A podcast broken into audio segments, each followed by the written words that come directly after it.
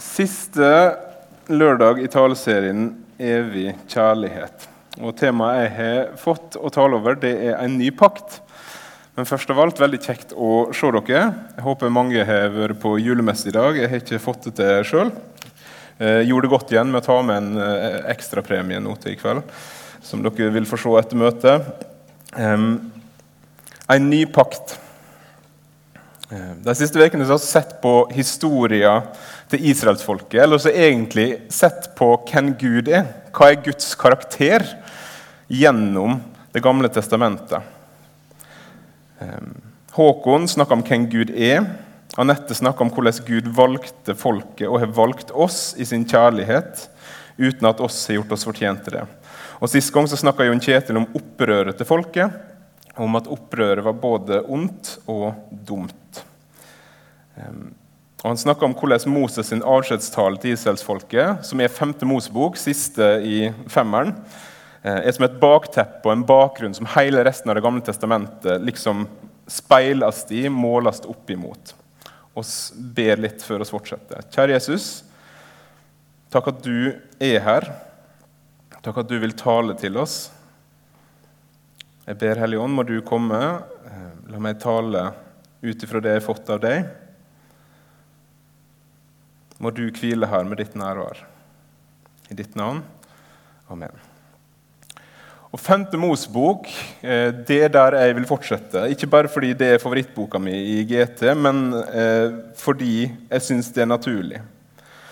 For helt mot slutten av Femte Mosebok Israelsfolket er på vei inn i det lova landet. Og Det siste Moses sier, er på en måte et sukk eller en innstendig bønn til folket når de skal inn. Han har gjentatt og han har presisert hva Guds gode vilje for dem er. Altså Guds lov, det som vil gi dem eh, det de trenger for å kunne vokse, eh, bli mange, ha det godt med hverandre, med seg sjøl og med Han. Så sier Moses.: Se, i dag har jeg lagt fram for deg livet og det gode og døden og det onde. Himmel og jord tar jeg i dag til vitne mot dere. Jeg har lagt fram for deg liv og død, velsignelse og forbannelse. Velg da livet, så du og dine etterkommere kan få leve. Du skal elske Herren din Gud, lyde Hans røst og holde fast ved ham. Da skal du få leve og bo lenge i det landet Herren med ed lover å gi fedrene dine, Abraham, Isak og Jakob. Moses ber deg innstendig velg livet.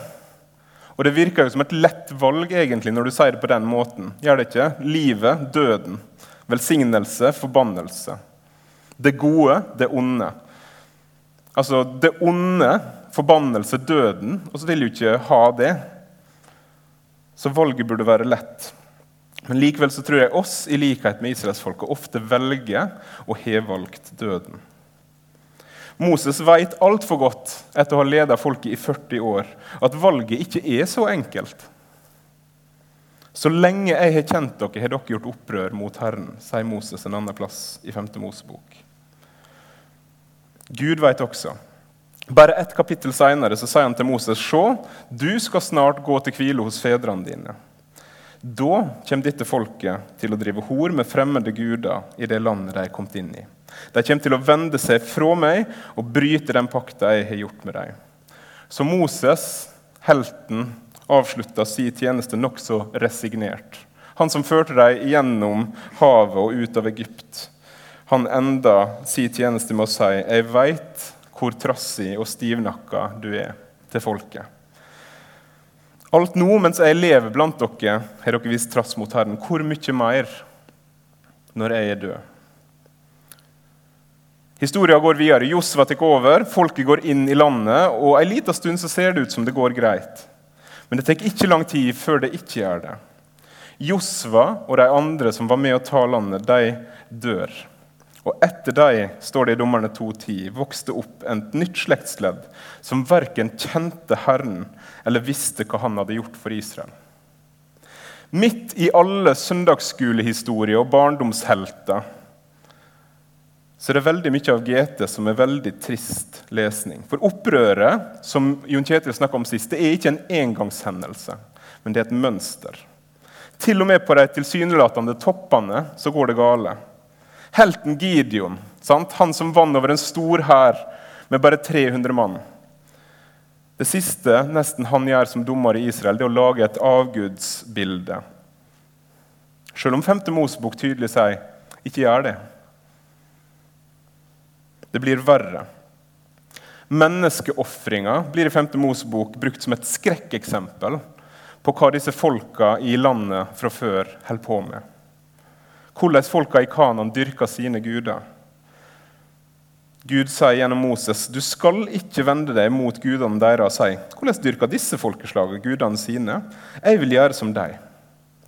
Du skal ikke dyrke Herren din Gud slik. Alle de gjerningene som Herren skyr og hater, gjør de for gudene sine. Til og med sønnene og døtrene sine brenner de i ilden for sine guder. Men bare noen kapittel etter Gideon så brenner Jefta, dommeren i Israel, Guds tjener, sin datter på bålet som et offer til Gud. Som om Gud vil ha slike offer. De kjente ikke Herren og de valgte oftere døden enn livet. Bare i glimt husker de hvem Gud er, og følger ham. Men Gud står likevel ved sine løfter og sin pakt. Gud er likevel trofast. Seinere går det på en måte bedre og på en måte verre. Fordi folket går enda et skritt lenger i sitt frafall. De vil ha en konge, fordi det har jo alle de andre folka. Hvorfor skal ikke oss ha en konge? Samuel, som er den siste dommeren i Israel, får beskjed fra Gud om at det er ikke deg de har vraka Samuel, det er meg. De har ikke vraka deg som leder Samuel, de har vraka meg, Gud, som konge. I sin miskunn så lar Gud folket få det som de vil. Og i to sekunder cirka, virker det som det skal gå bra under kong Saul. Men så faller han og folket igjen.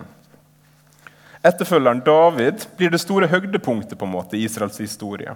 Israel blir liksom ikke bare et folk, men et befesta rike. Og David, med sine mange feil og mangler, er likevel en mann etter Guds hjerte. En konge som er villig til å bøye seg for Gud og innrømme sin synd og vende seg om fra den. Og har synd er betydelig stor. Så går det nedover igjen. Etter Davids sønn Salomo blir riket delt i to. Og av 40 konger, 40 fordelt på disse to rikene, så er det seks som gjør det som er godt i Herrens øyne. Alle i Sørriket Juda. Ingen gode konger i Israel på hundrevis av år. Opprøret mot Gud er ikke en engangshendelse. Det er et mønster som folket tilsynelatende aldri kommer seg ut av. Kongetida i Israel det blir også profetenes tid. Og at det blir profetenes tid, er ikke bra greie, egentlig. Det er illevarslende greie. Profet etter profet står fram og advarer. Vend om. Vend om, dere er på vei mot døden. Dere har valgt døden igjen. Vend om fra ondskapen deres, avgudsdyrkelsen deres, til Gud. Men i beste fall så er omvendelsen til folket midlertidig. Og gudsdyrkelsen deres er overfladisk. To profeter som sier litt om dette, Jesaja og Hosea, som står fram ca. samtidig. Jesaja-boka er knapt i gang når denne dommen over folket sin gudsdyrkelse kommer. Jesaja 1, vers 10. Hør Herrens ord, dere Sodoma-høvdinger. Lytt til vår Guds lov, du Gomorra-folk. Hva skal jeg med alle disse slaktofrene dere? sier Herren.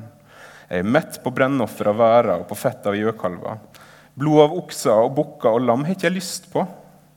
Hvem krever slikt av dere når dere kommer og viser dere for mitt ansikt? Dere trakka ned føregardene mine. Kom ikke mer med unyttige gaver. Jeg avskyr offerrøyken. Nymåne og sabbat, kunngjøring av høgtid. Jeg tåler ikke urett og høgtid.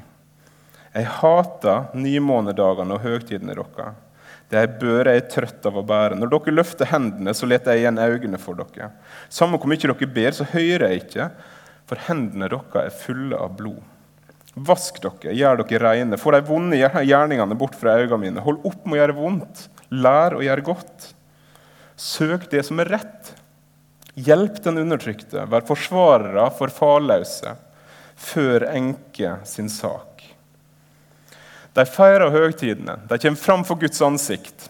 De gjør på en måte alt som kreves av dem, sånn rituelt sett, tilsynelatende. Men det er en hul gudsdyrkelse.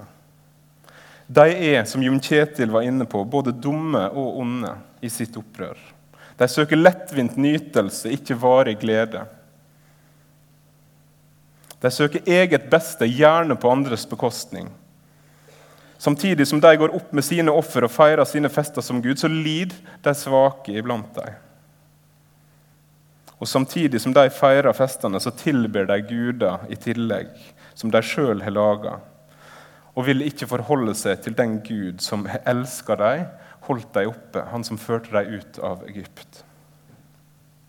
De gangene de vender om, er det nesten som om de spekulerer i Guds kjærlighet. At langt der bak i en plass vet de hvem Gud er, at han er nådig, at han er god. Så la oss vende om lite grann. Fordi da vil Gud være god mot oss, og så kan vi fortsette å ha det gøy. Hosea skriver det sånn i kapittel 6. Og Det er litt sånn spesielle vers. Kom, la oss vende om til Herren, for han reiv sund, men vil gjøre oss friske. Han slo, men vil forbinde oss. Han gjør oss levende etter to dager. Den tredje dagen reiser han oss opp. Så oss kan leve for hans ansikt. La oss lære å kjenne Herren. La oss jage etter å kjenne Han. Sikkert som soloppgangen kommer Han. Han kommer til oss lik regnet, lik vårregnet som hveter jorda. Disse versene er egentlig ganske vakre. Jeg har streka under dem i min bibel, liksom. Men dine tilsynelatende bønna Og la oss vende om til Gud. La oss søke å kjenne Herren. Det virker som det ikke strekker seg så langt. Det går ikke så djupt. For vers 4 så svarer Gud. Hva skal jeg gjøre med deg, Efraim? Hva skal jeg gjøre med deg, Juda? Kjærligheten deres er som ei morgensky, lik dogg som tidlig blir borte. Hva skal jeg gjøre med deg? Guds sukk tyder på at disse vakre formuleringene kommer fra et folk som ikke er villig til eller i stand til å følge ham. De er fortsatt et folk som snur kappa etter vinden. Når de tilsynelatende vender seg til Gud, så går det aldri lenge før de går vekk igjen. Både gudsdyrkelsen og omvendelsen er falsk eller hul og kortvarig. De velger døden og det onde. Folket virker rett og slett helt ute av stand til å velge livet og det gode. Valget til Moses er umulig for dem, virker det som. De foretrekker sine egne sprukne brønner. Og til slutt så fører syndene deres folket i eksil. De mista landet sitt. Hva var det som skjedde? Hva var det som gikk gale? Moses, som hadde vært hyrde for dem i 40 år, var inne på hvor opprørske og stivnakka de var. Omtrent i overgangen til at de ble ført ut i eksil, så står profeten Jeremia fram. Og han gir oss noen ord som kan virke litt sånn rare, men som jeg tror hjelper oss litt til å forstå hvorfor har det kommet til dette. Hvem skal jeg tale til og advare slik at de hører? Se, de har uomskårne ører og kan ikke høre etter. Se, Herrens ord er spott for dem, og de bryr seg ikke om det. Hele Israels hus har uomskårne hjerte. Uomskårne ører og hjerte. Når profetene talte til dem, så hadde folket både manglende vilje, men også manglende evne til å høre. Ørene deres var uomskårne. De tok ikke imot. Omvendelsen deres ble aldri varig fordi hjertene deres var harde og kalde, uomskårne. De greide ikke, de var ikke i stand til. De viste heller ingen vilje til å besvare Guds frelse og Guds kjærlighet med å elske og tilbe tilbake. Dette er det som på engelsk gjerne blir kalt 'the human condition', vår syndige natur. Oss er av naturen ikke villige til å velge det gode, til å velge livet. Men den samme Jeremia som sier disse tinga, han er også den profeten som selv om han i sin tid ser Jerusalem falle og folket bli ført vekk, så er han den som får lov til å bringe håp til oss. Håp til folket. Trøst til oss og trøst til folket. I kapittel 31 så skriver Jeremia på den tid, sier Herren, skal jeg være Gud for alle slektene i Israel, og de skal være mitt folk. Så sier Herren, det folket som slapp unna sverdet, har funnet nåde i ørken. Israel skal dra av sted og finne ro. Fra det fjerne viste Herren seg for meg. Med evig kjærlighet til jeg elsker deg, jomfru Israel. Derfor har jeg hele tida vist deg miskunn. Med evig kjærlighet til jeg elsker deg. Derfor har jeg alltid, alltid vist deg miskunn. Gud elsker med en evig kjærlighet. Han har valgt å elske, og han er kjærlighet. Han har valgt å binde seg til deg. Han har valgt å elske mennesket, så da gjør han det. For sånn er han. Sånn er Gud. I samme kapittel så får Jeremia lov til å bære bud om at Gud, til tross for 1000 år, ja egentlig mer enn det, med stadige opprør, så vil han opprette en ny pakt med sitt folk. Se, dager skal komme, sier Herren, da jeg gjør en ny pakt med Israels hus og Judas hus. Ikke som den pakta jeg gjorde med fedrene deres den dagen jeg tok dem i handa og førte dem ut fra Egypt. Den pakta brøt de, enda jeg var Herren deres, sier Herren. Men dette er pakta jeg vil gjøre med Israels hus i dager som kommer, sier Herren. Jeg legger min lov i sinnet deres og skriver henne i hjertet deres. Jeg skal være deres Gud, og de skal være mitt folk. Da skal ingen lenger undervise sin neste og sin bror og si 'Kjenn Herren', for de skal alle kjenne meg, både små og store, sier Herren. For jeg vil tilgi skulda deres og ikke lenger huske synda. En annen profet som står fram ca. samtidig, sier det med litt andre ord. Jeg henter dere fra folkeslagene, samler dere fra alle landene og fører dere hjem til deres eget land. Jeg stenker rent vann på dere, så dere blir rene. Jeg vil rense dere for all urenheten, for alle avgudene. Og jeg vil gi dere et nytt hjerte, og en ny ånd vil jeg gi inni dere. Jeg tar steinhjertet ut av kroppen på dere og gir dere et kjøtthjerte i stedet. Og min ånd gir jeg inn i dere og gjør at dere følger forskriftene mine, held lovene mine og lev etter dem. Esekiel og Jeremia får lov til å fortelle om noe nytt Gud vil gjøre. En tusen år lang negativ spiral med ondskap, med avgudsdyrkelse med valg av død rundt hver sving. Folk er enda i eksil.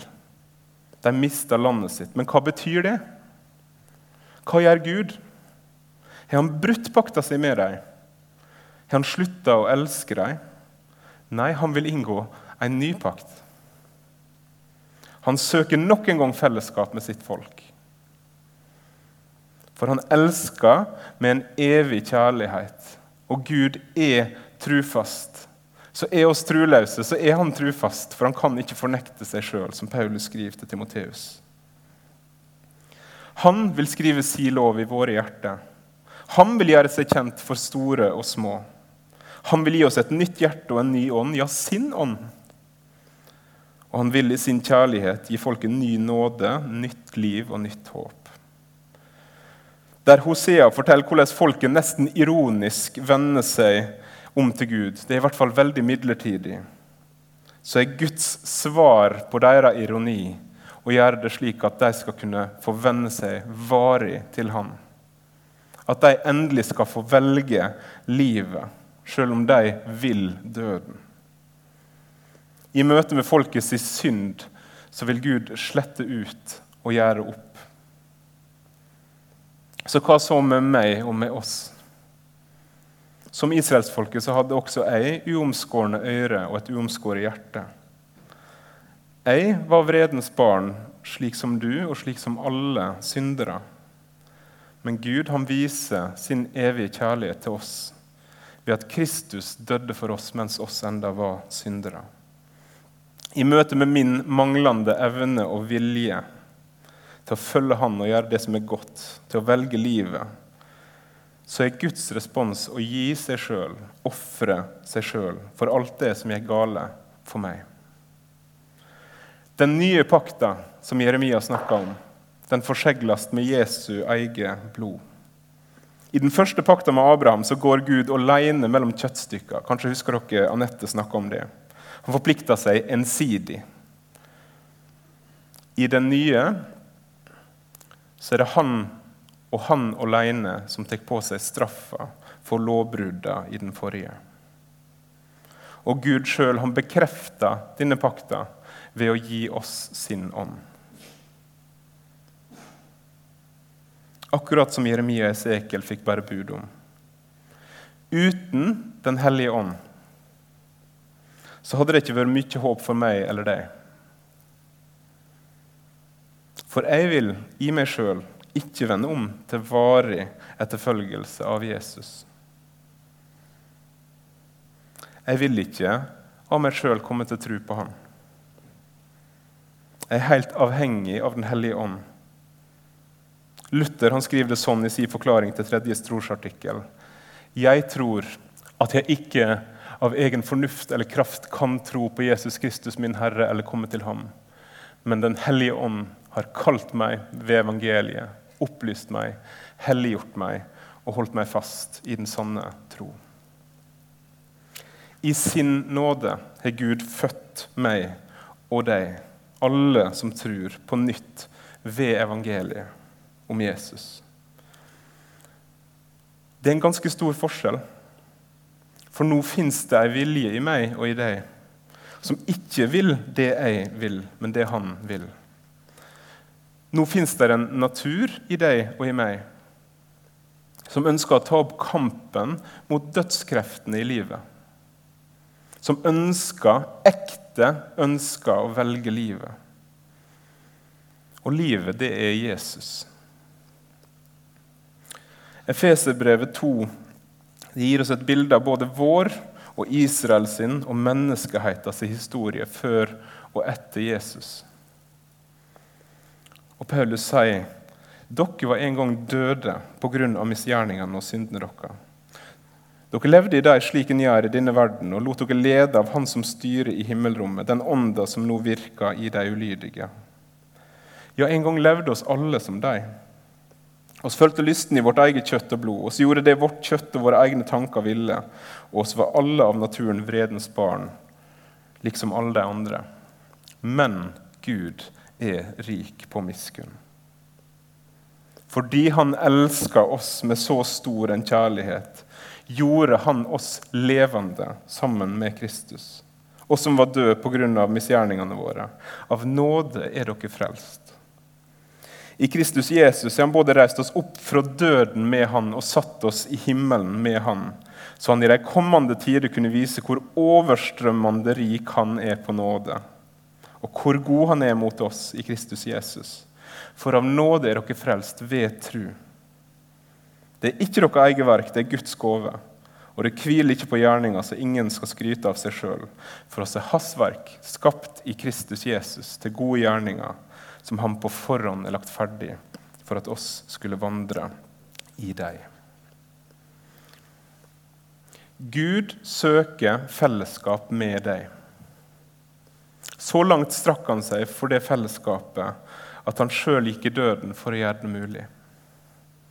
Og jeg er overbevist om, når vi hører et sånt budskap som dette, at her er noen Kanskje du vanka i kristent miljø i mange år men at det er noen som Den hellige ånd kaller på. At det er noen som har fått et glimt av den evige kjærligheten som Gud har elska oss med. Jeg vil si til deg på Guds vegne fortida di og alt du har gjort, dine bekymringer, alt du tenker på, det ønsker Jesus å møte, det ønsker han å ta på seg, det ønsker Jesus å tilgi. Han kan gi deg liv, han kan gi deg framtid, han kan gi deg håp. Du er ikke utafor hans rekkevidde. Men jeg er ikke god nok. Hva med alt jeg har gjort og sagt? Gud søkte en ny pakt med sitt folk. Var de gode nok? Nei.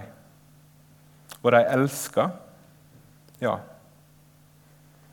Er spørsmålet er jeg god nok? Er svaret åpenbart nei. Men det er ikke spørsmålet. Du er elska av Gud, og han elsker slik at han sendte sin sønn for deg. Jesus har dødd for mine synder. Han ønsker å gi deg rett til å bli Guds barn. Han ønsker å bli din bror, din venn. Han ønsker å bli din frelser og din herre. Er du her som kjenner at Den hellige ånd inviterer deg eller kaller deg, så gå gjerne til forbønn etterpå under nattverden. Del det med noen, be sammen med noen. For Jesus han ønsker fellesskap og vennskap med deg. Velg da livet. I den nye pakt så er invitasjonen noe oss hver dag skal få lov til å respondere på. Aktivt respondere på. I Guds evige kjærlighet for oss så er ikke de versene hos las fra Hosea, ironisk lenger. Det kan være ekte. En invitasjon til oss. La oss kjenne Herren, la oss streve etter å bli kjent med Han. For han er her. Han er her sammen med oss nå ved sin Hellige Ånd. Så la oss lære å kjenne Herren. Til slutt, også hans verk skapt i Kristus Jesus til gode gjerninger, som Gud på forhånd er lagt ferdig for at oss skulle vandre i dem. Velg da livet. Jeg tror også Den hellige ånd peker på ting i livet våre på relasjoner, på situasjoner, på områder der jeg og du har valgt døden, eller fortsatt kanskje velger døden. Kanskje er det en relasjon i ditt liv som er vanskelig for tida. Der du kjenner at det egentlig er litt godt. Der det er et eller annet i deg som får noe av å holde på de vonde følelsene. Kanskje deler du til og med de vonde følelsene med andre, og det også føles litt godt. Men så er det egentlig destruktivt både for deg og for den det gjelder, og for deg du deler det med. Det er baksnakking og sladder. Kom til meg, alle som strever og har tunge byrder. Jeg vil gi dere hvile, sier Jesus. Ikke gå rundt og bær på hat. Velg livet. Legg det fra deg. Gå videre.